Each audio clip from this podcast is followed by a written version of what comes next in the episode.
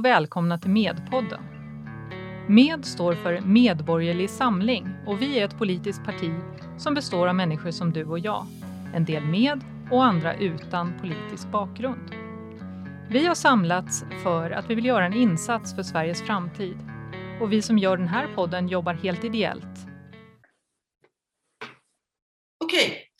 Hej allihopa! Det här är Medborgerlig Samlings Medpodden som är igång igen. Idag så har vi bjudit in fyra personer och vi ska prata lite grann om kultur och identitetspolitik. Jag heter Anna Danieli och är moderator för mötet och eh, jag tänkte att jag ska börja med att lämna över till Ilan Sadeh som får presentera sig. Ja, eh, det är jag som är Ilan Sadeh. Jag är ordförande för Medborgerlig Samling, jurist till yrket. Jag lämnar vidare. Mm, då ska vi se, då har vi Martina Björk med oss. Vem är du Martina? Ja, hej. Ja, men jag är relativt ny i sammanhanget. Jag är utsedd till kulturpolitisk talesperson. Jag har mina rötter i Småland, men bor i Lund där jag är verksam som kyrkomusiker, eh, lärare i klassiska språk eh, och jag är intresserad av att läsa och skriva i allmänhet, kan man väl säga. Trevligt. Och så har vi Jakob Mejling med oss också. Vem är du? Hej! Eh, jo, jag, är, jag bor i Lund. Jag är eh, vice ordförande i lokalföreningen Medborgerlig Samling i Lund. Jobbar som typograf med eh, främst med läromedel. Och eh, att jag sitter här beror på att jag har skrivit den största delen av Medborgerlig Samlings kulturpolitiska program. Mm. Du har också varit med och redigerat en del i vårt anti-identitetspolitiska program, Jakob. Varit med Ja. som redaktör där. Jag jobbade ihop ett kortare, en kortare version av den första. Ja. Precis, precis. Jag tänker att vi börjar med första frågan. Eh, kulturpolitiken, Martina, du som är ny kulturpolitisk talesperson. Vad vill Medborgerlig Samling med kulturen egentligen? Ja, du, det är lustigt. Vi fick, eh, Jakob och jag fick just den frågan när vi träffades eh, på en sån här medpub häromveckan av två personer som, som gästade oss och var nyfiken på vår politik. Och då svarade väl både Jakob och jag att eh, nej men, eh, vi vill egentligen avskaffa kulturpolitiken, eller vill, vill att den ska vara så liten som möjligt. Eh, att, att man så lite som möjligt ska gå in och vara klåfingrig i det som måste komma underifrån för att skapa en levande kultur. Och vi får komma ihåg att det är ganska så nytt det här med kulturdepartement och kulturminister och sådant låg under utbildningsdepartement och ecklesiastikavdelning och sådant innan. Så eh, skapa en fri och levande kultur utan att man lägger sig ovanifrån för mycket. Det kan man väl säga kortfattat. Skulle inte det innebära en väldigt stor skillnad mot hur det är idag? Alltså idag är väl eh, ehm, kulturen är väl politikernas älsklingsområde? Ja, det verkar ju så. Ehm, det är ju väldigt mycket som man vill ehm, styra och lägga sig i och jag har ehm, roat mig med lite grann och titta lite grann på vad man ger i bidrag. Och man kan ju bli mörkrädd när man ser hur styrt det är, att det är vissa ledord som återkommer som jämställdhet, eh, antirasism, Eh, och det där tror ju vi med Medborgerlig Samling att det skapar en ensidig, likriktad kultur, utan istället stärk de här Stärk civilsamhället, föreningar, underlätta där istället så att det blir en spirande kultur eh, underifrån istället för att man ska eh, jag har ju själv suttit och sökt bidrag för projekt och då vet man de här formerna att ja, men om jag lägger in någonting om kvinnor, om jag lägger in någonting om allas lika värde, då är det större chans att vi får igenom detta. Och det där har blivit fel och det har blivit en sjuka. Det måste vi bort från. Mm. Jag skulle säga det. Ehm, jag tror det är få områden inom statsapparaten som har så många myndigheter faktiskt som kulturområdet. Många små myndigheter då. Men eh, det är väldigt mycket sådana här konstnärsnämnden och kulturanalys och Eh, ja, ytterligare någon inom konstområdet har jag för mig och MUCF till eh, civil, så kallade civilsamhället. Och, ja, det, det bara liksom lavas upp av massa småmyndigheter. Och de har ju sina agendor och driver dem. Och eh, därför så har vi ju inte något kulturliv som är särskilt fritt i den meningen att man måste anpassa det hela tiden. Eh, sen eh, undrar kanske folk det, men hur ska det då gå med, med den lite dyrare kulturen som kanske är, är jobbig? Och det kommer vi jobbiga att finansiera bara genom, eh, genom vanliga biljettintäkter eller vanliga eh, abonnemangsavgifter. Och så. Och det kommer vi kanske in på här strax, men man kan ju säga att, att det finns ju kultur eh, Finare kultur har ju alltid funnits och det har alltid funnits resurser men det är inte nödvändigtvis så att det alltid är staten eh, som ska stå för stålarna. Får jag haka i på MUCF där som du nämnde? Eh, jag eh, är ju själv ofta i Växjö både med anledning av yrke och eh, ett har fritidshus utanför. Och eh, kör förbi den här, det här huset där myndigheten håller till. Så jag blev lite nyfiken på den och tycker ju då att egentligen att det låter väldigt behjärtansvärt med en myndighet för ungdoms och civilsamhällesfrågor. Ehm, men när man då tittar vad de finansierar så, ehm, så blir man ganska mörkrädd. Alltså det är hundratals miljoner till eh, projekt som ser ungefär likadana ut. Eh, och bland annat så, ehm, utan att nämna något namn, men, men man ger alltså en miljon kronor till en som kallar sig för antirasistisk eh, nät tidskrift som jag skulle kalla för vänsterextrem som säger sig då motverka hat och hot. Och det finns en uppföljning på detta, att de verkligen gör det. Eh, och kanske mm, lyssnade ni på fredagsintervjun med Sten Widmalm som är professor i statsvetenskap i Uppsala som hade listat eh, 46 grupper människor. Och där skulle då de eh, människor fylla i vilka de hade minst respekt för i samhället, vilka grupper som är mest avskydda. Och högst upp hamnar då hör och häpna, Sverigedemokrater och vaccinmotståndare. Och det är just de människorna som den här tidskriften då sig över. Eh, och det, det är ett sånt där projekt som jag menar blir helt motverkar sitt syfte och där, där eh, staten gör helt eh, fel som, som går in och finansierar den här typen av projekt. Alltså. Ehm, så där finns väldigt mycket att titta på.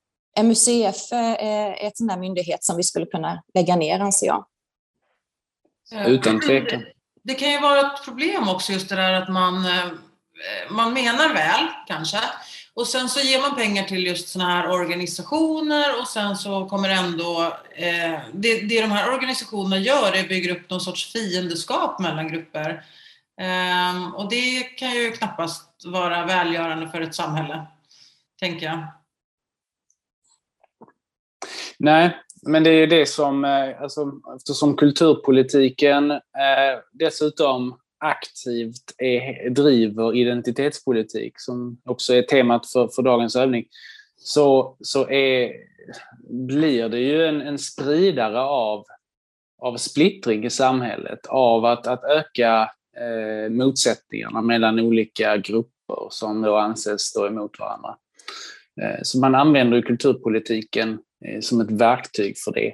Och eh, ja, nej, men jag har också pratat med, menar jag snackat med en som håller på mycket med dans och han berättade ju att, att eh, alltså det var ju en mardröm att söka bidrag om hur mycket eh, olika sådana här färg och kön och grejer man var tvungen att fylla i liksom, så att man uppfyller de här kriterierna eh, när man skulle eh, då sätta upp en föreställning. Eh, så det, det, är, det är helt absurt. Det är liksom ingen som är intresserad av egentligen hur kvaliteten var på själva innehållet i föreställningen utan mer hur det var för, för, eh, för kön och färg på de som, eh, som ska delta. Precis, och där har vi något viktigt att kvaliteten får ju ofta ge vika här till förmån för idéer som man anser att man ska uppfylla till varje pris och där man ska uppfostra oss människor. Och det där är en syn på både kultur och människa eh, som jag tycker är eh, besvärlig och sorglig. Eh, och det får mig också tänka på det här, ni talar om detta splittrande och också hur felriktat och missriktat det blir Eh, Eh, jag var och besökte häromdagen en utställning i Malmö som är aktuell eh, som då eh, Malmö stad, och det var på Malmö museer, står för med stöd då av Region Skåne. Och den kallas för Modest Fashion. Och då tänkte jag där, det, är alltså Modest Fashion är detta att kvinnor ska täcka sig, så man visar alltså kläder som täcker huvud och ner till handled och fotled och så vidare. Och ehm, eh, detta då, eh, ut, då tänker jag, vad har detta med jämställdhet att göra som man menar med ivras, ivras så väldigt för? Utan det här är ju då förklätt också i en väldigt lömsk språkdräkt om att det handlar om kvinnligt företagande och kvinnor som väljer att täcka sin hud. Eh, och, och, konstigt på många sätt med tanke också på att de flesta utställningar jag besökt på museer då kommer med väldigt mycket pekpinnar om att det här är den manliga blicken.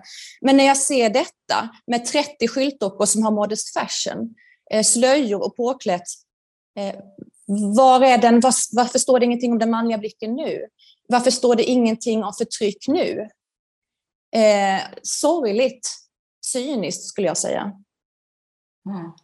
Jakob, en sak som jag tänkte fråga dig som var med och skrivit en del av programmet. Eh, vi pratar ju ofta i Medborgerlig Samling om att eh, stat och kommun och så vidare ska ägna sig åt kärnuppgifterna. Men är kulturen kärnuppgift och vad är det, vad, har, vad bör vi finansiera och varför? I det kultur, vårt kulturpolitiska program så pratar vi om att vad, vad det offentliga kan och bör ta ansvar för är kulturarvet och väldigt mycket av sånt som direkt relaterar till svenska språket och det svenska kulturarvet. Eh, det svenska språket för att det faktiskt är det som binder ihop det svenska samhället. Vi har, eh, det är det som Sverige bygger på att vi kan eh, i styrning, i lagstiftning och så vidare. Och då tänker vi att det, detta är den kulturpolitiska kärnan. Eh, vi säger också att eh, staten aldrig ska ägna sig åt nyskapande kultur därför att staten och det offentliga faktiskt aldrig kan avgöra var en kultur är på väg att utvecklas. Den kommer alltid på ett eller annat sätt vara reaktiv eh, och därför så bör den hålla sig ifrån mm. Hela det här systemet med, med eh, nämnder och filmkonsulenter och så vidare bygger ju på något önsketänkande om att de som fördelar bidragen på något vis kan förutse eh, nyskapande kvalitet. Men människor som söker sig till de här jobben, att jobba i, i den här administrationen, de kommer aldrig att vara speciellt skapande. Så att det förblir en illusion att de skulle kunna avgöra vilka projekt som faktiskt skulle kunna föra utvecklingen framåt. Och därför så bör man inse den begränsningen och helt enkelt hålla, hålla sig från detta och låta detta skötas av civilsamhälle och, och näringsidkare som ser möj, ekonomiska möjligheter i kulturproduktion. Och istället låta statens och det offentligas resurser ägnas åt att ta hand om det som har visat sig vara värdefullt tidigare så att inte allting tappas bort. Vilket det lätt kan göra ifall en mode går åt ett annat håll vad gäller saker man gör. Då så är liksom museiverksamhet och bibliotek och så vidare handlar ju om att ta hand om det som är skapat. Och vi tycker att det är där som, som den, sats, den kraften ska läggas.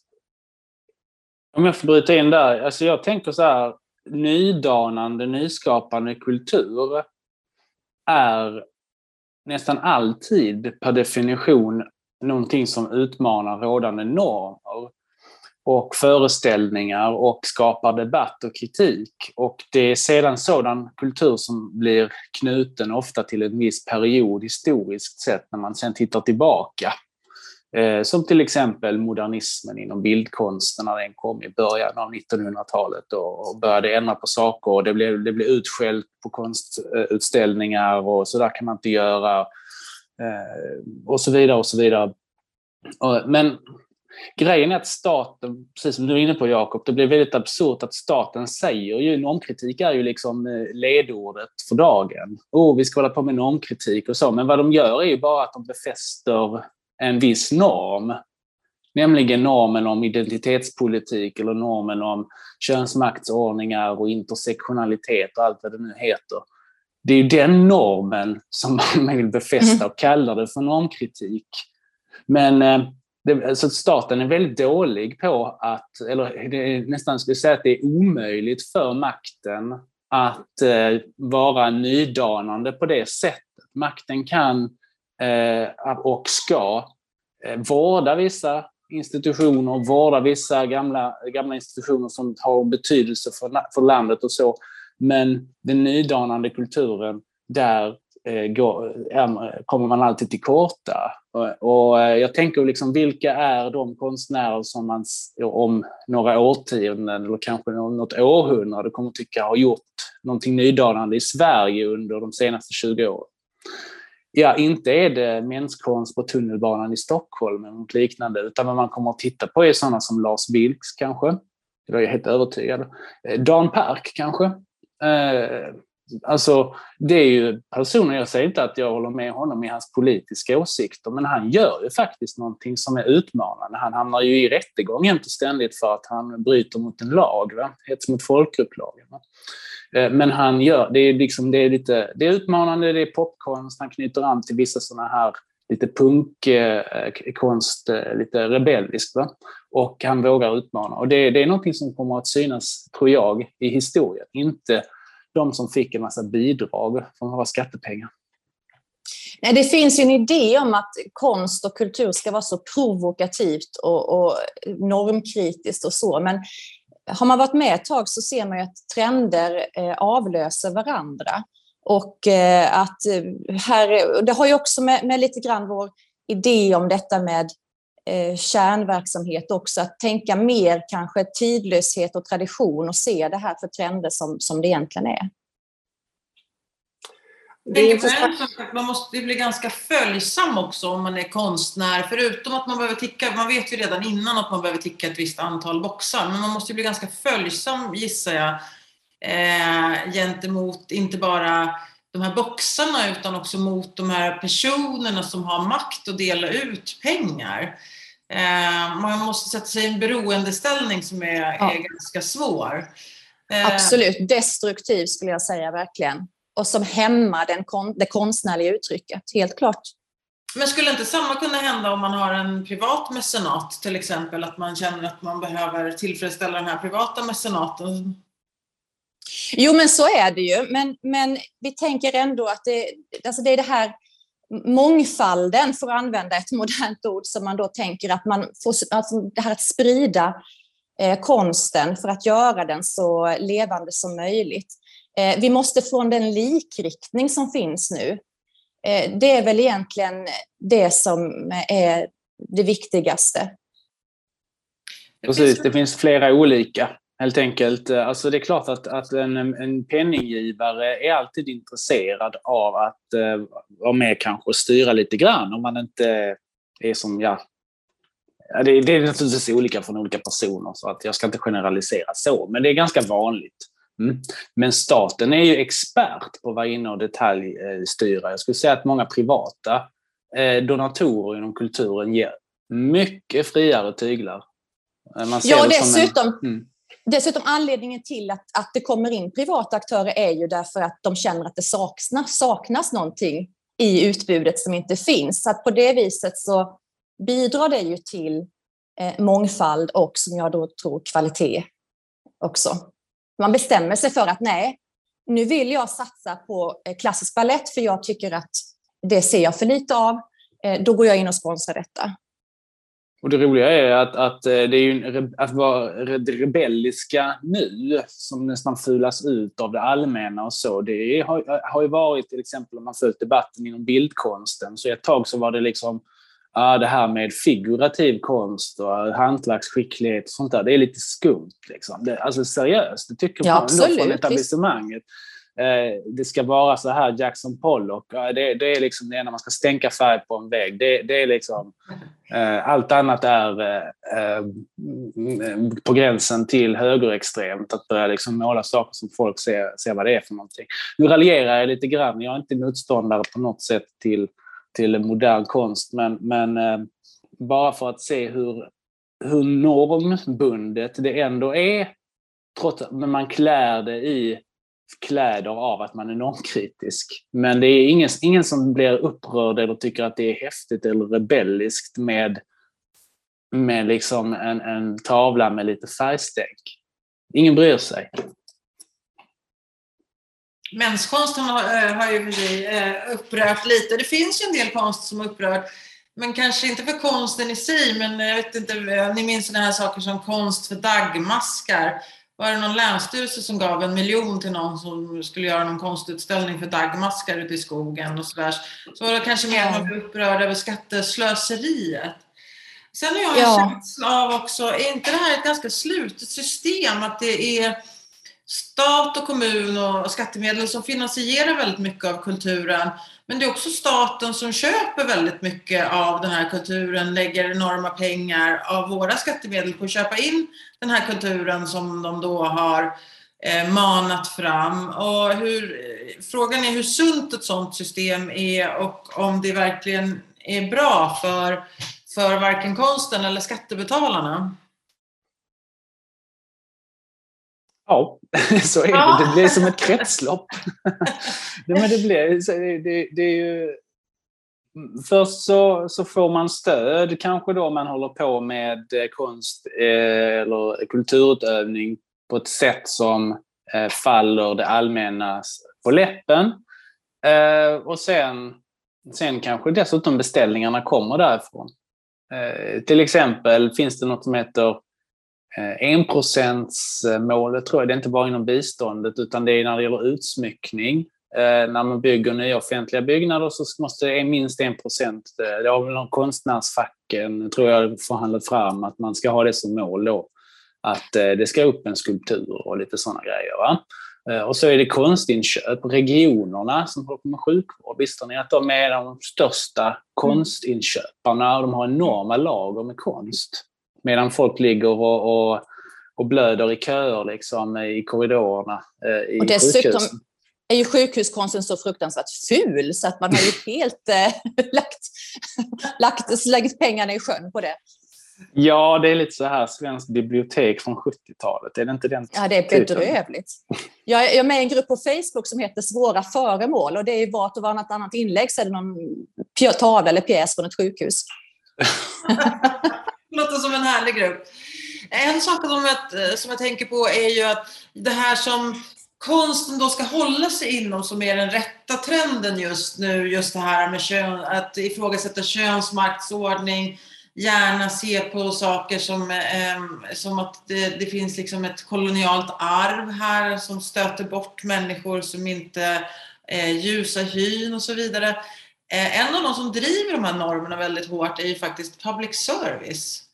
Mm. Um, och uh, där har vi ytterligare då uh, en, en jättekoloss som vi um, betalar skattepengar till för att den mer eller mindre ska ha en roll som våran pappa och ska fostra oss i vad vi ska tycka och tänka och vad som är rätt. Vad har vi sagt om public service? Ja, men alltså deras uppdrag är ju att vara opartisk och ge en så allsidig rapportering som möjligt. Det ingår i deras uppdrag. Eh, och själv har jag i princip slutat att bruka public service för det, det förmedlar en världsbild som inte jag känner igen mig i. Eh, men när jag påtalar detta för en del så, så får jag höra då att det är anekdotisk eh, bevisföring och, eh, och så har jag då också fått mig tillsänd en, en, en vetenskaplig rapport då, som på baksidan skriver att jo, men visst kan man ju tycka om saker, men det är bättre att gå till fakta. Okej, okay, så jag läste den här rapporten då som ska visa att public service tillhandahåller, tillhandahåller oss eh, opartisk nyhetsförmedling. Eh, men det intressanta är att den säger egentligen ingenting, vilket forskarna hävdar själva också. Det är en helt korrekt rapport och eh, noggrant genomförd. Ehm, men där eh, har man bara egentligen undersökt public service just vid valbevakningar. Men det är ju bara vart fjärde år eller kanske om man räknar in EU lite ofta, men ändå, vad ni förstår. Det här handlar ju om så mycket annan tid och det handlar om inte bara eh, rapportering om politiska partier, utan det handlar om hur man överhuvudtaget vinklar nyheter, vad man väljer att visa, vad som inte sägs. Det är en världsbild som förmedlas. Eh, vilka värdeladdade ord man använder och den typen av undersökningar finns inte i den här rapporten. Så att vi menar ju att eh, public service eh, ska ju bantas ner till ett minimum. Eh, här tvingas vi eh, lägga en avgift för någonting som förmedlar en världsbild som vi inte ställer upp på, med program som vi inte känner igen oss i och inte vill se. Ett annat exempel, eh, om jag ska fortsätta lite, eh, de få gånger som jag lyssnar på radio eller ser på tv. I påskas så hade jag radion på när jag, P1 på när jag körde bil och fick då höra om Paludan och koranbränning och upplopp och så vidare. Och han presenteras då som högerextremist. Jaha, tänkte jag. Och sen nästa inslag handlar om något helt annat, nämligen eh, människor som, som blockerar trafiken i Stockholm. Eh, så tänkte jag att då kallas väl de för vänsterextremister. Men nej, de var ju eh, aktivister som stred för något gott. Och där blev det ju en väldigt tydlig skillnad. Så tänkte jag att, ja men hör ni inte det här själva? Ser ni inte detta? Men, men det där upplever man ju jämt och ständigt tycker jag. Har ni liknande erfarenheter? Ja, tyvärr. Jag, jag konsumerar inte heller så speciellt mycket av eh, public service längre. Eh, det finns ju så många andra möjligheter att ta in information idag. Eh, och allt det här har ju gått ihop. Liksom. Förut så var det ju så att vi hade papperstidningar, det var eh, en form som man kunde konsumera på ett speciellt sätt. Och sen så hade man radio, det var en annan form. Och sen så hade man då rörlig bild, vilket var ytterligare en form då. Men idag så finns det liksom ingen skillnad. Om man tittar på en tidning som Aftonbladet så gör de poddar som man kan lyssna på och de gör en papperstidning som man kan bläddra i om man vill och sen så gör de Ehm, eh, rörlig media i, eh, över nätet. Så att eh, det, känns som att för det första så hela den här medievärlden den har smält ihop och, och, jag vet inte, det, det, det, är få saker som public service egentligen har som är unikt idag som gör att, att jag känner att skattebetalarna skulle behöva betala för det. Public service är en typisk sån här sak som om man idag startade upp ett samhälle och inte haft ett samhälle innan med en offentlig sektor, då skulle ju ingen komma på idén och säga så här, hörni, ska vi ta 9-10 miljarder om året och så, så startar vi liksom en TV och, och några radiokanaler. För att eh, det finns liksom inte, det behovet existerar inte längre. Idag så finns ju det redan kanaler, det finns eh, program som sänder dokumentärer, det finns debattprogram, många sådana privat, både privatpersoner men kan vara föreningar eller stiftelser som har lyckats starta sina egna program och fått otroligt mycket följare. Långt många fler följare än vad till exempel P3 och P2 har tillsammans. Eh, så behovet existerar inte heller idag. Nej, precis. Det är, ett, det är ett helt annat medielandskap idag. Mm. Men jag tror att man, man, man lever kvar lite det här med SVT och SR som den trygga mormoden som man liksom eh, sätter sig vid på kvällen. Eh, och en, en kollega och vän till mig som också är intresserad av klassisk musik sa men, men SVT är jätteviktigt för på lördag, lördagskvällar så har man då tema klassisk musik och det är så bra och det tycker jag också är bra. Men då sa jag till honom att ja, fast jag, jag köper en fransk kanal som har klassisk musik dygnet runt. Mm. Det, det, det, finns ett utbud idag och som, där man har haft någon idé om att nej, men man är så rädd för marknaden och kommersiella krafter, då blir det sämre kvalitet. Men jag har aldrig lyssnat på så många bra radioprogram eller sett så många tv-program som, som nu, när det finns ett sånt enormt utbud med människor som är seriösa och som tar sina åhörare på allvar. Där har vi ju eh, det här med SVTs och Sveriges Radios undanträngning av andra aktörer. Alltså, vi utgår från att, ja, men om vi lägger ner detta, eller många i Sverige gör det i alla fall, inte vi i Medborgerlig Samling, men många gör ju så att man tänker, oj, vad händer med de här programmen och de här, här intressena, den här kulturutövningen, om, om det här försvinner? Men, eh, och så jämför man med aktörer som finns idag på den privata sidan och tänker, men ska det bli TV5 av det hela? Ska det bli Naked Attraction för hela slanten? och, och då är svaret nej. Alltså förmodligen så, eh, eller helt säkert faktiskt, kommer det ju att växa fram eh, aktörer som är intresserade av så allsidig journalistik som möjligt, som har ideal eh, om att just eh, ge en allsidig nyhetsförmedling, gamla fina journalistiska ideal.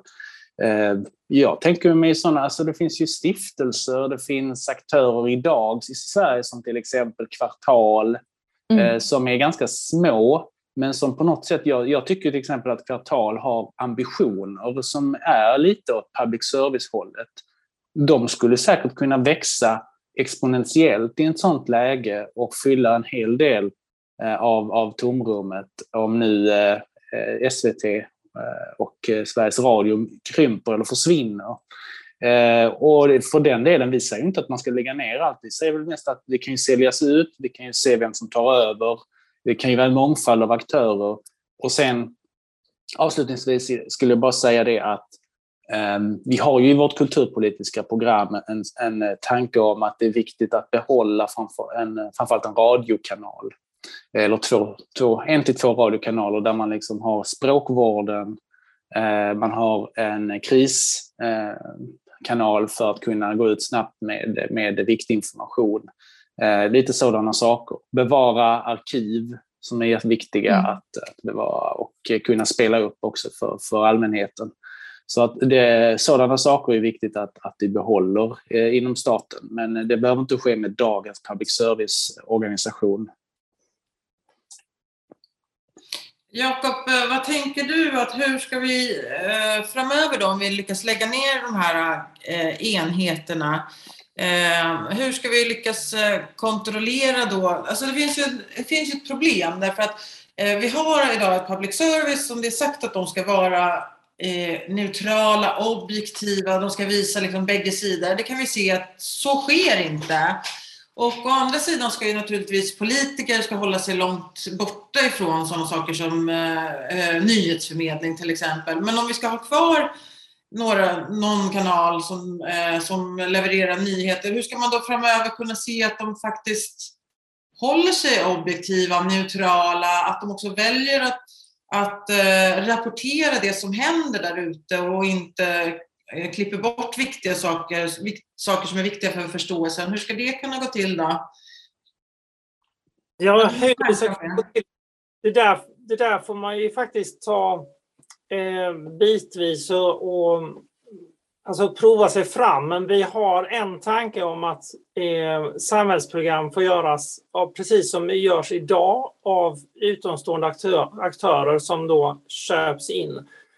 Eh, och att man då kan ha en, en, en yttre, eh, vi har föreslagit Riksrevisionen, att de också får uppdrag att kolla på hur allsidigt och, och opartiskt som det här görs och att ifall det får för mycket slagsida så får helt enkelt de här eh, yttre uppdragstagarna inte förlängt.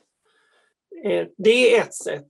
Eh, man kan också säga att det här eh, radiokanalen ska inte i primärt vara en nyhetskanal alls, utan den ska vara mer, eh, mer kulturellt orienterad och därmed kunna liksom, ta spjärn mot eh, alla de här grejerna som handlar om just språkvården och liksom en, en bevakning av Sverige, inte som med politiska och, och så här nyhets, det här har hänt utan med ett längre perspektiv.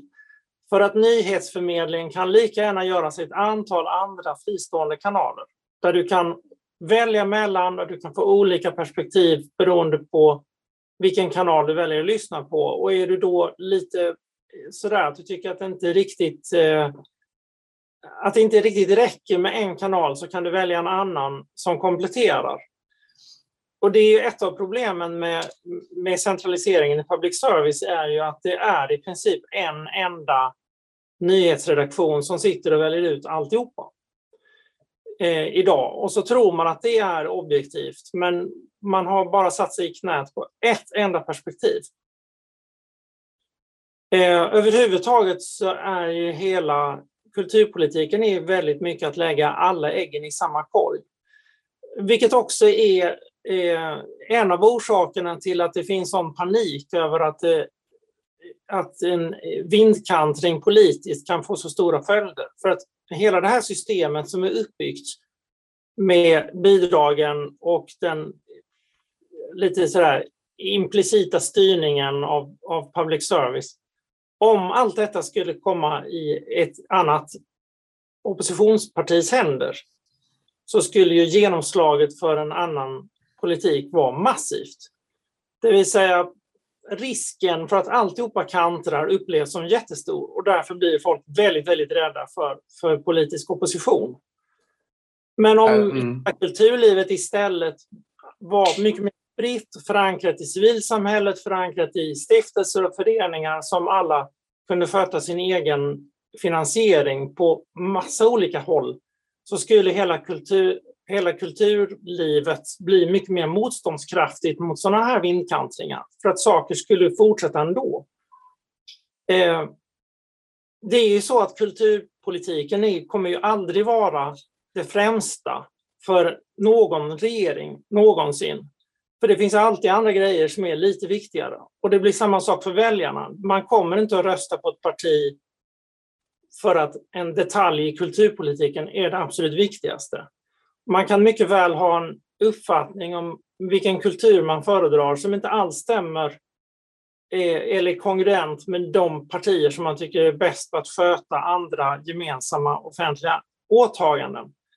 Och skulle kulturen flyttas ut från det här politiska så skulle den ju kunna leva ett parallellt, ett nyttigt parallellt liv till de andra gemensamma angelägenheterna.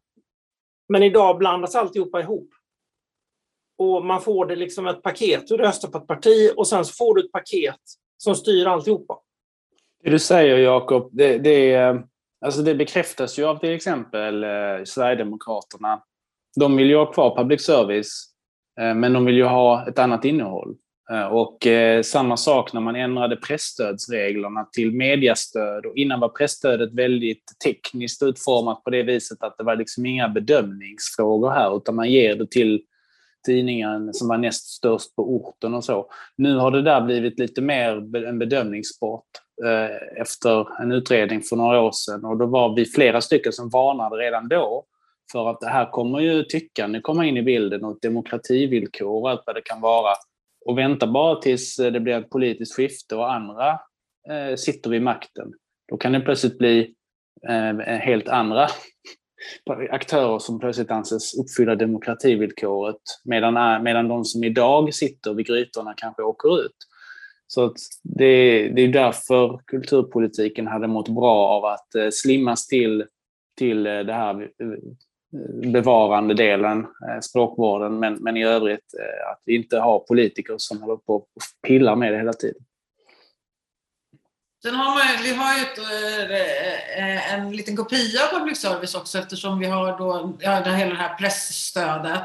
Och några, några av de här tidningarna får ju enorma pengar. Eh, jag såg någon, jag gjorde inte en sammanställning över hur mycket Svenskan fick, men jag såg att Svenskan i en på ett bräde fick 44 miljoner kronor.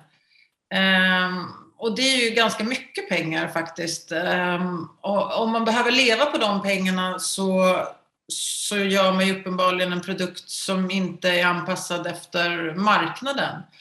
Och det må ju vara hänt, men eh, frågan är om staten ska fortsätta betala det här, för det kommer ju inte, det kommer inte kunna dyka upp någon ny tidning som lyckas konkurrera ut den här bjässen då. Så det här pressstödet behöver vi ta bort också. Mm. Det intressanta med exemplet Svenska Dagbladet är ju att de ändå, eh, trots detta stöd, inte profilerar sig på ett sätt som är markant annorlunda, utan tvärtom. För att få mesta möjliga unga läsare så är, så är ju innehållet efter ledarsidan är väldigt, väldigt mycket som andra tidningar. Och det är, inte ett, det är inte ett markant annorlunda perspektiv på nyheter i Svenska Dagbladet än i Dagens Nyheter eller Sydsvenskan. Så det, press, det mediestöd som skulle bidra till en mångfald, det blir inte så mycket mer mångfald ändå, om det nu inte bara var ledarsidorna som syftades. Precis. Ja, det är intressant. Eh, jag tänkte vi skulle prata lite grann om identitetspolitik också. Eh, för en av de saker som vi har gjort här ganska nyligen är att vi har lanserat ett anti-identitetspolitiskt program. Eh, och Ilan, du kanske vill berätta lite grann vad ett anti-identitetspolitiskt program är och varför partiet har valt att ta fram ett sådant? Ja, och till och med en talesperson. Ja, eh, jo, eh, så här.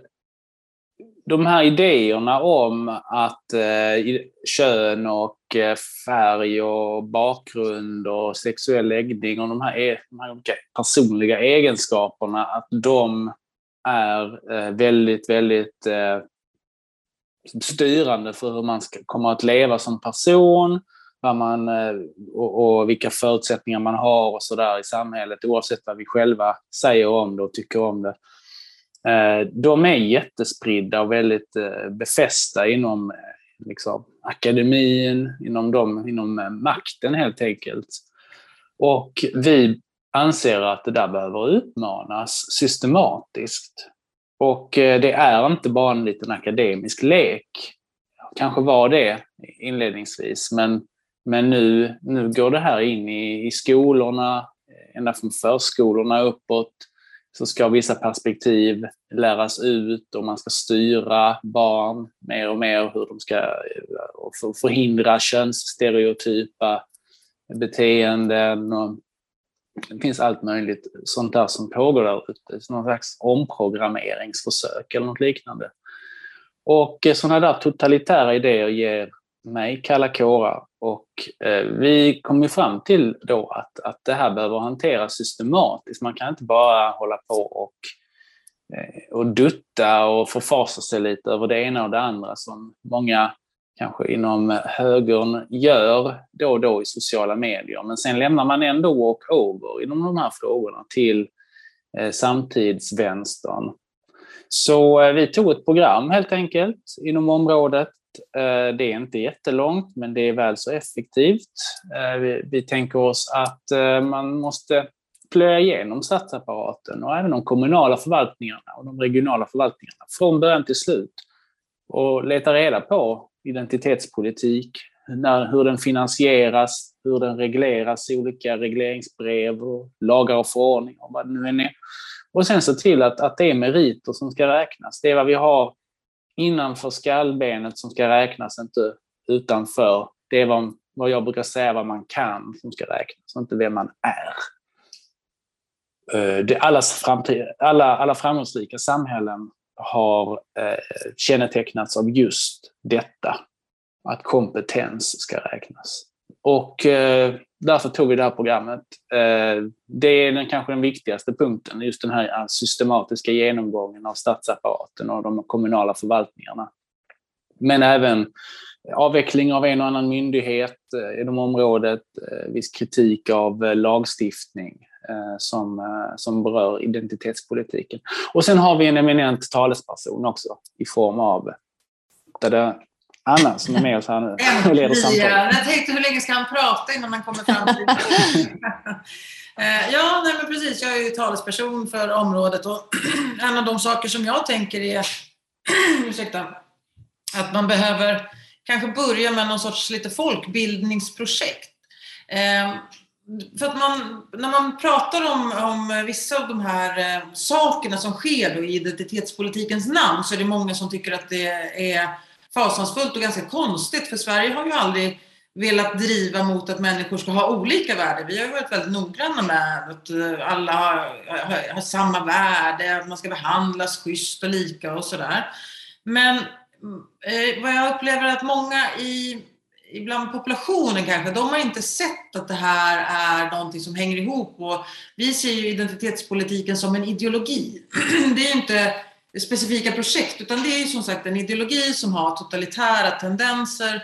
Alla måste tycka samma. De som inte tycker samma är ett hot och de ska motas bort, eh, gärna med högafflar eh, eller eld. Ehm, så det tänker jag mig att eh, det, det är liksom en start. Och sen är det också så att vi har tittat på andra partier och vad de gör. Och där kan man väl egentligen säga så här att de gör ingenting. Eller så jamsar de med i den här leken eh, att eh, vi skulle vara så till exempel ansatta av olika problem i Sverige som statistiskt sett inte alls existerar när man frågar de grupper som påstås vara utsatta. Då, då. Så där tänker jag att där behöver vi, vi behöver göra de här sakerna samtidigt. Vi behöver driva fram vår politik som säger att identitetspolitiken ska bort ur det offentliga. Men vi behöver också hjälpas åt att folkbilda om hur farlig den här ideologin är och vad den gör med både människor och samhälle och eh, mot eh, hur den liksom förhindrar ett meritokratiskt samhälle, det vill säga att den som är, är bäst på att göra något är den som ska få göra det oavsett vad den personen har för sexuella preferenser eller hudfärg eller kommer ifrån. Mm. Det är också så här... Ja, varsågod Martina. Ja, tack. Nej, men det, är också, det skapar ju en ängslighet att orientera sig i det här identitetspolitiska landskapet. Jag då kan tala utifrån att vara lärare. Jag har arbetat på gymnasiet och undervisat i litteratur till exempel och även vid universitetet. Eh, och, och, och, just detta, jag menar till exempel, ett, ett, exempel som är ganska tydligt är ju Fredrika Bremer som ju eh, lyfts fram som kvinnosakskvinna eh, med all rätt. Men hennes skildringar då av, eh, reseskildringarna av, av andra eh, kulturer anses då som stereotypiska och, och, och eh, koloniala och så vidare. Eh, och det där skapar en ängslighet hos läraren. Vågar jag sätta det här i händerna på mina elever? Eller vad händer då? Blir det folkstorm? Blir någon ledsen? Eh, och det där är också en eh, diskussion som har varit nu om triggervarningar och eh, eh, eliminering av misshaglig litteratur. Och det där Eh, skapar en, en osund kultur, för det gör oss rädda för konsten, rädda för varandra. Eh, men vi måste påminna oss om att eh, vi kan tycka illa om olika sorters konst och kulturyttringar, men i sig är de ju inte onda eller farliga, utan god konst, även om den är obehaglig, kan lära oss vilka vi är, vilka vi inte är, var vi kommer ifrån, hur vi ser på andra. Och återigen så är det det här pådyvlandet gör oss eh, eh, oroliga och det skapar en ensidig, väldigt tråkig kultur. Förlåt Dilan, nu, nu, ja. nu är din tur. Nej, men du kom in på ett spår där som, eh, som jag kan haka på istället. Alltså, det är den här eh, väldigt puritanska grejen som eh, har kommit med eh, samtidsvänstern och även i företag. Har det ju kommit att storföretag då, i globala företag, har det kommit in det som kallas för woke och som egentligen verkar vara väldigt mycket en att man ska radera saker från historien, saker som påminner oss om tidigare eh, normstrukturer, eh, tidigare värderingar som har funnits förr för att de är farliga att ta del av. Väldigt eh, nästan halvreligiösa eller nästan helreligiösa idéer som har liksom helt perverterats in i politiken att, att eh, vi kan bli förförda av detta, att det är djävulen som dyker upp. Satan, vik hädan lite, det över hela liksom. Eh, och man måste då få ner statyer och hela den, hela den här rörelsen har så otroligt mycket religion över sig utan att den riktigt reflekterat över det själv. Och framförallt den här utrensnings, den här puritanska grejen. Och det har funnits förr, det är ingenting nytt under solen egentligen förekommit förr i mänsklighetens historia.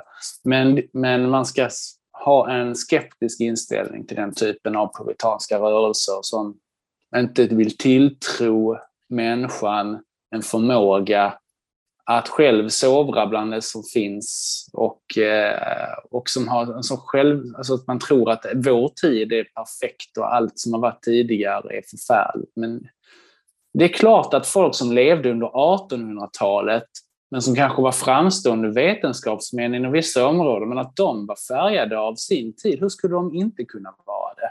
Likadant som vetenskapsmän som kanske gör, gör stora bidrag idag, om hundra år skulle anses vara konstiga i sina värderingar. Hur kunde de göra så här? Jo, men de var ju en del av sin tid. Det, det är en otroligt eh, ytlig eh, och, och, farlig väg att, att gå. Eh, dessutom att, att hålla på och, och rensa ut ifrån historien. Totalitärt. Eh, och man kan alltid fråga sig varför man gör det då. Eh, har det, finns det en koppling? För det känns som att det här egentligen är kanske lite en annan fråga än ren identitetspolitik. Det, det rör ju eh, mer hur man förhåller sig till olika yttringar och historien och sådär. Men jag tror det finns en liten koppling, eller kanske stor koppling till och med. Och det är ju att, att identitetspolitiken utgår ifrån att olika grupper alltid står emot varandra och det finns förtryckare och förtryckta och eh, det finns inte något gemensamma, det gemensammas bästa. Det går väldigt svårt att nå det, eller det är omöjligt att nå det. Allting handlar om kamp. Och då blir ju uttryck som är inte alltså som eh, språkliga uttryck, eh, konst, vad det nu än är, då, då, då anser ju de här människorna att det, här, det är bara våld också. Det är också liksom, ord kan eh, utgöra våld och man måste ha skyddade rum och allt det nu är. Så det, på något sätt tror jag att det hänger ihop. Så man ser en staty av någon, någon gammal vetenskapsman som förvisso då kanske hade någon, några värderingar också som inte hade gått hem idag. Ja, men då, då är det ett uttryck ungefär som att man man liksom angriper fysiskt människor idag mm. som kanske då eh, den här människan inte hade, hade haft som slavar på den tiden, om det nu var i USA mm. till exempel. Va? Eh, ja, och då, då finns det ju inga mm. gränser till slut. Jag ser ju att en av de saker, eh, kanske en av de viktigaste saker, du nämnde någonting där, du var något på spåren där Ilan, för att du sa något om att man hade sett det här som en liten akademisk eh, eh, ja, abrovink så att säga, något man ägnade sig åt i några korridorer på universitetet. Men en sak som har hänt är att i Sverige idag så är ju universitetet börjar bli som gymnasiet. Jag menar otroligt många människor går på universitetet. Och eh, de får sig en rejäl dos identitetspolitik med sig. De får också lära sig det här att totalitära, vissa saker får man inte prata om, man får inte tycka vissa saker. Och andra saker är det obligatoriskt att tycka. Eh, och, så att universitetet, de, de blir ju en... Eh, sen när alla de människorna kommer ut i samhället så blir ju de här tankegodset genom de här människorna blir som en vattenspridare. Det sprider sig överallt i samhället och snart så har vi generationer som är mer eller mindre hjärntvättade och tror då att till exempel vita människor är rasister, det är bara att de inte vet om det. Um, uh, ja, eller liknande saker, eller att om saker och ting ska vara rättvist och, och eh, och jämställt, då, då måste man, om man ska läsa en bok av en man, så måste man också läsa en bok av en kvinna. Mm. Att det skulle vara mm. det det handlar om. Eh, och det här blir ju helt absurt. Det är ju det är en form av hjärntvätt, tyvärr, där man inte tittar på att lära människor kunskap som vilar på vetenskap och, och fakta, utan helt enkelt man trycker i dem saker som ingen vågar sätta sig emot. Eh, och sen så går de vidare som små robotar ut i samhället och, och fortsätter den här gärningen. En av eh, romanhistoriens eh, främsta så här, kvinnoporträtt då, eh, eh Madame Bovary, är ju skrivet av en man, eh, Gustave Flaubert, och han fick ju frågor då hela va, va, Vem är Madame Bovary egentligen? Du måste ju ha haft en förebild någonstans. Och han svarade ju, det var ju episkt, han svarade, sa ju Madame Bovary c'est moi. Mm. Alltså, det är jag. Det, det, det är i mitt huvud. Han var ju på sätt och vis eh, motsatsen till identitetspolitiken på det sättet att han kunde ändå göra, levandegöra ett kvinnoporträtt eh, trots att han är man och levde under 1800-talet. Så, eh, sen kan man ju störa sig på den här karaktären. Vi ska inte diskutera Madame Bovary. Men, men, men eh, det är liksom... Han lyckades göra det och det, det, det är liksom en del av, av eh, framgångsrika kulturer och upplysningen och allting. Att man, man, man måste släppa, släppa de här, eh, att man, eh, det här grej, idén att man inte kan eh, sätta sig in i andra människors eh, världsbild och eh, leverne bara för att man kommer från en viss bakgrund eller har ett visst kön. Eh, en av de saker som jag uppfattar det är att människor som inte eh, har anknytning till universiteten idag har, förstår inte heller hur illa det är och hur totalitärt det är. Men det finns ganska många rapporter nu om människor som inte vågar säga ifrån när de här idéerna trycks på ett, eh, eh, ja, en akademi eller det kan vara lärare, det kan vara föreläsningar, det kan vara hur man väljer ut böcker och sådär. Därför att eh, dels så kan ju många av de som ägnar sig åt, äh, åt att arbeta som lärare eller arbeta på universitetet, det är deras karriärsväg och det är också mm. system som man inte bara kan gå in och ut ur. Som om man så här, jobbar på H&M kan man hoppa till Lindex, men, men i universitetsvärlden så kan man få en stämpel och då sitter den stämpeln för resten av livet. Men mm. även då doktorander och studenter har ju rapporterat om hur man inte vågar ifrågasätta eh, de här narrativen, eh, utan det blir en tystnadskultur istället. Mm. Och det här är någonting som man känner igen just från totalitära stater. Eh, om man pratar med människor som bodde i Sovjetunionen till exempel så, eh, så, vi, så menar ju de på att ja, det var inte så att det var förbjudet att säga vissa saker, men man visste ju vad som hände om man gjorde det. Och det är precis samma sak här, att är man misshaglig och säger vissa saker så då tar det stopp i karriären eller man man blir ställd inför någon eh, en så här liten inkvisitionsdomstol, blir inkallad på, hos rektorn och får stå till svars för att man har sårat någons känslor eller kränkt någonting. Jag tror att också en annan orsak till att ehm, eh, identitetspolitiken upplevs, eller eh, till sin form är totalitär, är ju också att de här teorierna, de vilar ju på så skral grund. Så om man skulle ha ett normalt samtal om det så här, jag tycker si, du tycker så, då skulle samtalet ganska snabbt ta slut med att den som försvarar identitetspolitiken har ju inga argument. Eh, alltså ett sätt att slippa samtala eh, om olika ställningstaganden eller olika vinklar är ju naturligtvis att börja skrika åt folk, hota dem, kalla dem för rasister eller nazister eller se till att det blir väldigt smärtsamt för dem som vågar ta upp den här diskussionen. Det tycker jag, är mm. ganska, jag tycker att det är ganska intressant, men jag tror att det ligger väldigt mycket i det helt enkelt. Ja, men det gör det och det här som du säger, det är ju just rena perspektiv och teorier och sådana finns det ju gott om som man kan anlägga i ett vetenskapligt arbete. Men vad som har hänt här är att man har, att man har börjat betrakta perspektiv som sanningar. Och då blir det fakta. Och om man då inte accepterar det, och då talar vi om det här med faktaresistens och så vidare, och det är, då står man för någonting som man, eh, andra inte vill befatta sig med. Och då blir man stämplad som eh, märklig, kanske till och med, jag ska inte säga ond, men alltså eh, någon som, som eh, utgör liksom någon sorts hot eller nästan fara. Och sån vill man inte vara. Och där är den här ängsligheten jag menar, att orientera sig i detta. Ehm, och, och, och sen dras det till extremer också, och det byggs på. Och, eh, nej, och, och yttrandefriheten blir verkligen hotad. Och yttrandefriheten är ju någonting som är verkligen en hjärtefråga för oss. Mm.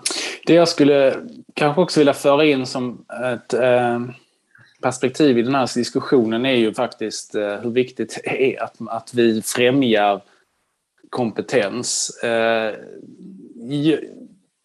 jag tänker att, att det är ett tecken på någon slags nedgång, en kulturs nedgång, att man, att man håller på och eh, bara är upptagen av, av hur folk ser ut och, och att de blir kränkta stup i kvarten och lite så prinsessan på ärten och hela den biten. Alltså det, det är väl ganska illavarslande eh, om en kultur försjunker allt mer i så här självbespegling. När människor, så lite narcissistiska människor nästan, som, som bara är upptagna av sådana saker. Samtidigt som vårt välstånd bygger på kompetens och på kanske, många tror jag med mig får ju en känsla av att vi lever inte bara i Sverige utan många andra eh, europeiska länder kanske på, på gångna generationers hårda investeringar i det här projektet. Eh, och eh, att man måste liksom, det är dags att vi börjar investera igen och rycker upp oss lite för att eh, världen är inte en jättefridfull plats och det finns andra maktcentra och kulturer som kanske inte riktigt är de som vi vill ska dominera. Som kan dra nytta av att, att eh, väst håller på att försjunka i sådana här saker. Och inte bryr sig om längre att, att, eh, att se till att, att det, man är på tårna när det gäller kompetensen. Mm det, det är lite eh, komiskt faktiskt, att för om man tittar på väst och västs utveckling så är det så här, alla människor i världen som har möjlighet att flytta någonstans eller fly någonstans, eh, inte alla, men eh, det, merparten tar sig till väst. Om man tittar på hur många barn som överlever, hur många som får gå i skolan, hur lite rasism man har och så vidare. Alla sådana här saker som vi ser som en viss liksom, utvecklingshöjd, där, där eh, tickar ju vi högst i alla boxar. Ehm, och ändå så verkar det finnas något extremt sådär självhat där vi sitter och, och, och ältar att någon har sagt, liksom, använt fel uttryck om någons kön på universitetet och sen så blir det liksom en stor grej.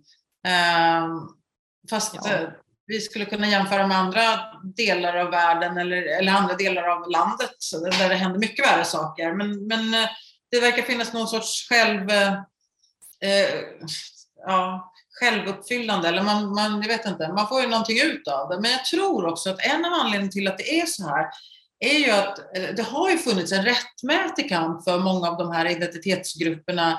Eh, se på till exempel hur invandrare har, det har ju till exempel inte alltid behandlats så bra. Det har varit kanske lite suspekt att ha en annan hudfärg, ha ett annat namn än ett eh, än ett gammalt eh, vanligt svenskt namn. Eh, homosexuellas kamp för sina rättigheter. De här har ju varit rättfärdigade och superviktiga. Men tidigare så gick ju kampen ut på att alla skulle tillhöra gemenskapen och att alla skulle behandlas på ett likvärdigt sätt. Alla skulle komma in i gruppen. Jag tror att och dit har vi ju kommit och passerat kan man ju faktiskt säga. Så jag tror att det som händer nu, det är ju att vi har ju enorma grupper som har, har tjänat pengar under, under många, många år för att staten har gött dem.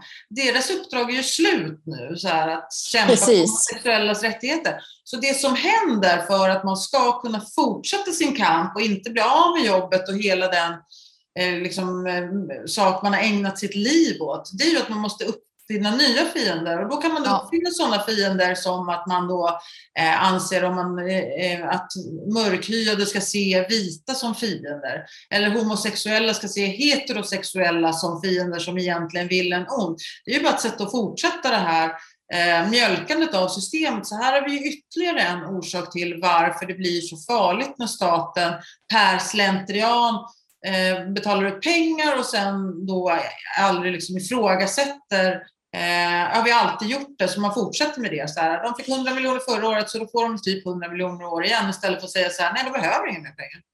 Men det där är ju jätteviktigt, för som du säger så är det ju någonstans, man har ju ett mål för sin kamp. Och om man då har uppfyllt det målet, så får man ju se, finns det någon annans kamp att kämpa eller i den här kampen var det någonting vi tappade på vägen? Eh, jag menar, undersökningar visar att Sverige är väl, tror jag, det minst rasistiska landet i världen, eller ett av dem i alla fall. Och ändå så är det just till antirasistiska projekt som man ger massor, alltså hundratals miljoner i, i, i projektbidrag och så vidare. Va? Eh, och, och, eh, det där blir någonting konstigt när man kämpar en kamp in absurdum. Mm. Och, så, och så, så, när man gör den här kampen, då motar man ju bort en del av de här framgångarna. Jag vet att jag lyssnade på en podd, eh, en diskussion häromdagen och då, då var det Sören Juvas, eh, Loei Ahmed och Ilan och ni hade någon diskussion om Pride och så satt jag och lyssnade på den här, jag vet inte, det var 40 minuter och de diskuterade Pride och om Pride har gått fel och vad som var bra och dåligt med Pride och sådär. Och så i slutet på podden så är det någon som säger, jag tror att Louis säger så här, ja men vi tre, liksom, eftersom det här ändå, han säger något liknande med så här, det här är ju ändå något specifikt för just oss, liksom, utifrån vilka vi är. Och då var jag tvungen att tänka efter, så här, jag fattar inte vad menar han med det där, att det var just speciellt handlade om de här tre. Sen kom jag på det, ja just det, ja ja, eh, alla är homosexuella. Och trots att hela diskussionen har handlat om det så har jag inte funderat på det, för det var inte viktigt, utan det viktiga var ju någonting helt annat. Men nu har man kommit till en kamp där man då måste eh, lära sig hur man ska möta till exempel homosexuella, men det handlar väl egentligen mer om trans och, queer-personer. Man måste uppmärksamma sig på hur, man måste gå på kurs för att, att kunna möta till exempel eh, transpersoner. Eh, man måste vara väldigt noggrann med så att man inte säger fel hela det här, det backar ju bort alla de där framstegen som att så här, jag tänker inte på om folk är trans eller queer eller homosexuella. Jag tänker på vad de framför i debatten eller hur de agerar mot mig. Men, men genom, nu lägger man på ett ok där jag måste tänka på det hela tiden så att säger fel så jag inte sårar någon. Det är någonting som är helt unikt. Och då, man, man raderar bort de framsteg vi har gjort. Och jag vet inte till vems nytta mm. faktiskt. Mm. Jag känner igen det från eh, exempelvis Black Lives Matter-sommaren där, när det kom som en våg. Jag tror det var 2020. Eh, ni kanske har gjort samma reflektion, men eh, det var faktiskt sådär, oh, ja, där kom det en svart på stan. Så här, alltså, det hade jag det, alltså det, man, man vänjer sig. Jag bor i Malmö, det är en mångkulturell stad. Det är inte så att jag eh, aktivt liksom tänker efter på något sätt. Men just när det höll på som mest, då kommer jag att tänka på att jag själv nu plötsligt eh, uppmärksammar det mer. Och det är precis det som exempelvis eh, det här projektet vid Stockholms länsstyrelse, som jag har skällt på många gånger, går ut på. Att man ska, folk ska börja tänka mer på folks hudfärg. Jag tycker det, det, det är absurt. Men de säger ju då, ja, ja, men du, du eh, förtrycker dem fast du inte riktigt vet att du gör det. Det är liksom så. Men utan att bevisa påståendet.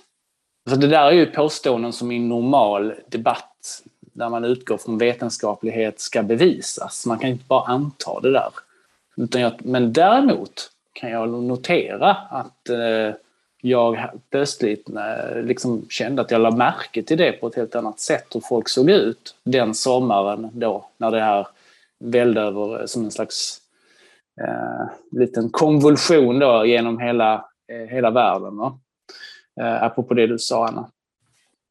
Jo, jag, jag har faktiskt tänkt på samma sak, att helt plötsligt så bara slår tankarna så här, oj, här kommer en svart person. Och sen så nästa tanke så här, oj, vad ska jag göra med den informationen? Alltså man, man tänker till på det för att det är så här, nu är det något jag måste tänka på. Och sen är det så här, ja, vad ska jag tänka på? Mm. Så, så det, det, är mycket märkligt.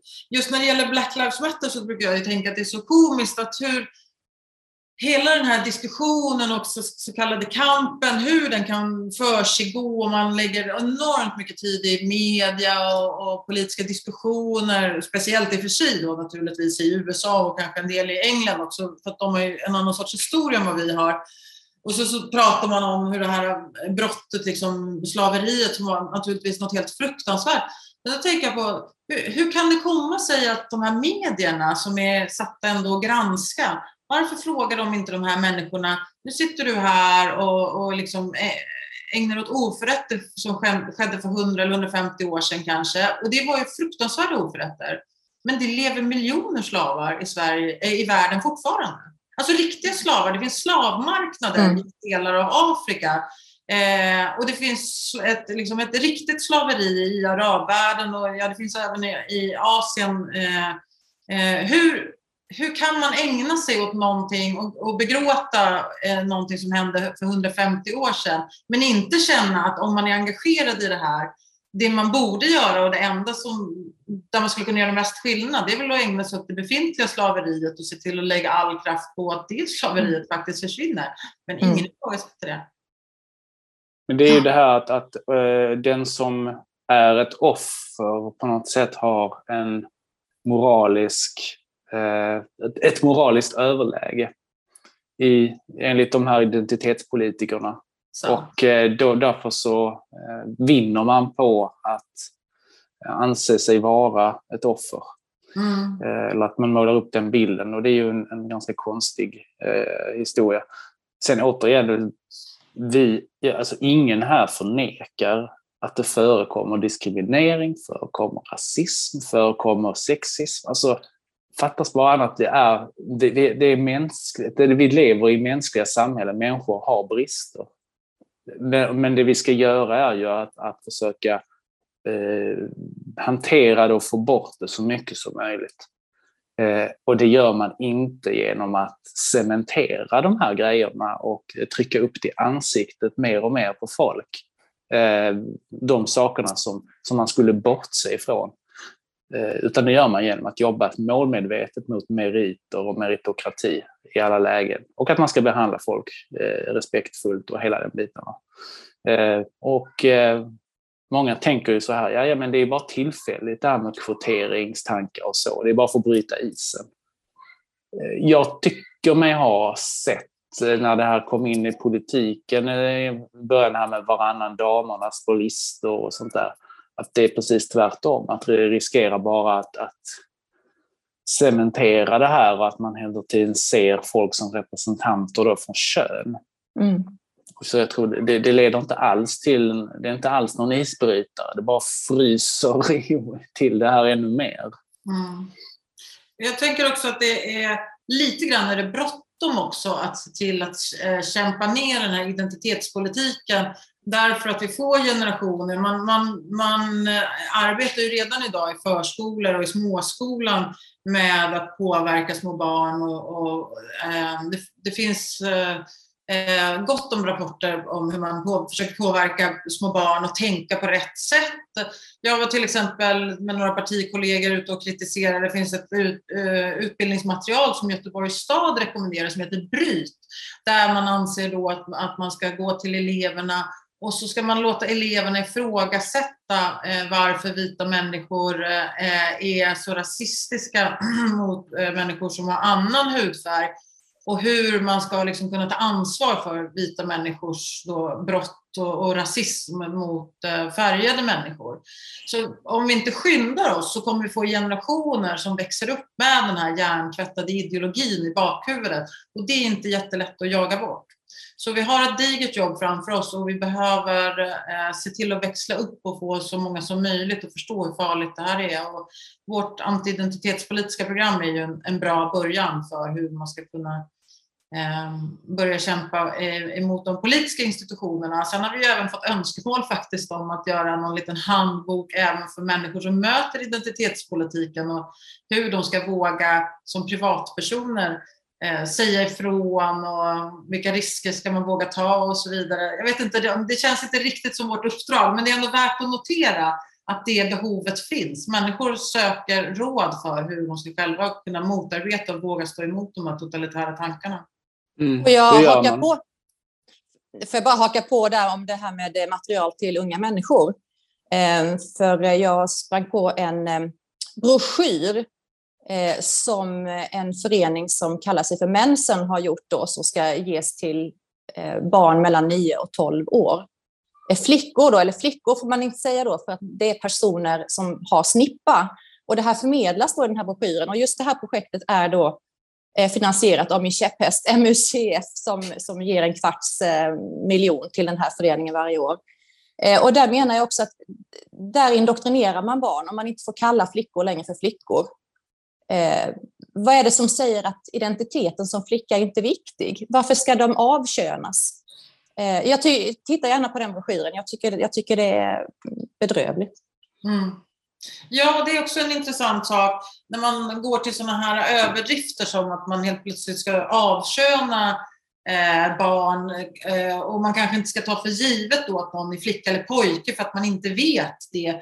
Det man gör är att man börjar behandla alla utifrån att det eventuellt finns några, en väldigt liten grupp, som har eh, ja, tankar om att jag, jag kanske varken är flicka eller pojke, men det vi ska göra då är naturligtvis inte vrida hela världen, utan se till att den som inte har hittat sin identitet eller söker eller känner att den redan är en annan identitet än vad, vad det står på passet, då ska man ju ge de personerna stöd istället för att bygga om hela, hela resten av världen istället. Man ska mm. se till individen eh, mm. och inte bestämma sig för hur kollektivet ska agera.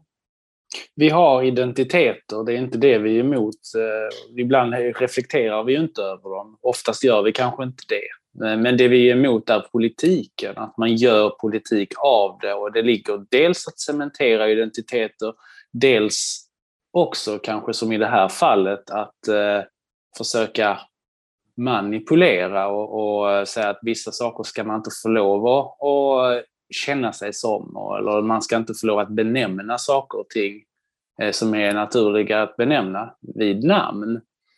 Utan, eh, utan det ska då försöka, försöka upphäva det där. Det, det är också en variant av mm. identitetspolitik, att gå in och, och rota på det sättet uppifrån, mm. trycka ner Mm. Eh, vilket ju sen också håller, eh, men det är ju en annan historia, vi kanske inte in diskutera det så mycket, men, men det här med, eh, med barn och trans och eh, mm. hur det har spårat i många länder. Mm. Ja, nej precis. Ehm, det finns, det finns mycket vi skulle kunna borra ner oss i, men jag tror att vi behöver börja runda av helt enkelt. Är det någon som känner att de skulle vilja sätta en sista hälsning innan vi säger tack till publiken? Eller känner vi oss nöjda för idag? Ja. ja. Tack så mycket. Tack ska ni ha. Jättebra samtal. Tack allihopa, det var spännande och vi hoppas att vi får lite reaktioner från de som har lyssnat så vet vi om det eh, är någonting vi ska göra om det här samtalet eller om vi ska ägna oss åt annat framöver. mm. Tack så hemskt mycket allihopa, på återhörande. Tack, hej. Hej. hej. Du som har lyssnat på podden, återkoppla gärna till oss i Medborgerlig Samling i kommentarsfälten. Du har nu lyssnat på Medpodden, en podcast från Medborgerlig Samling vi som gör den här podden jobbar ideellt. Och om du vill stödja Medpodden får du gärna göra det via swishnummer 123 094 0197. 123 094 0197. Pengarna går till produktionskostnader för den här podden och andra mediaproduktioner som vi gör.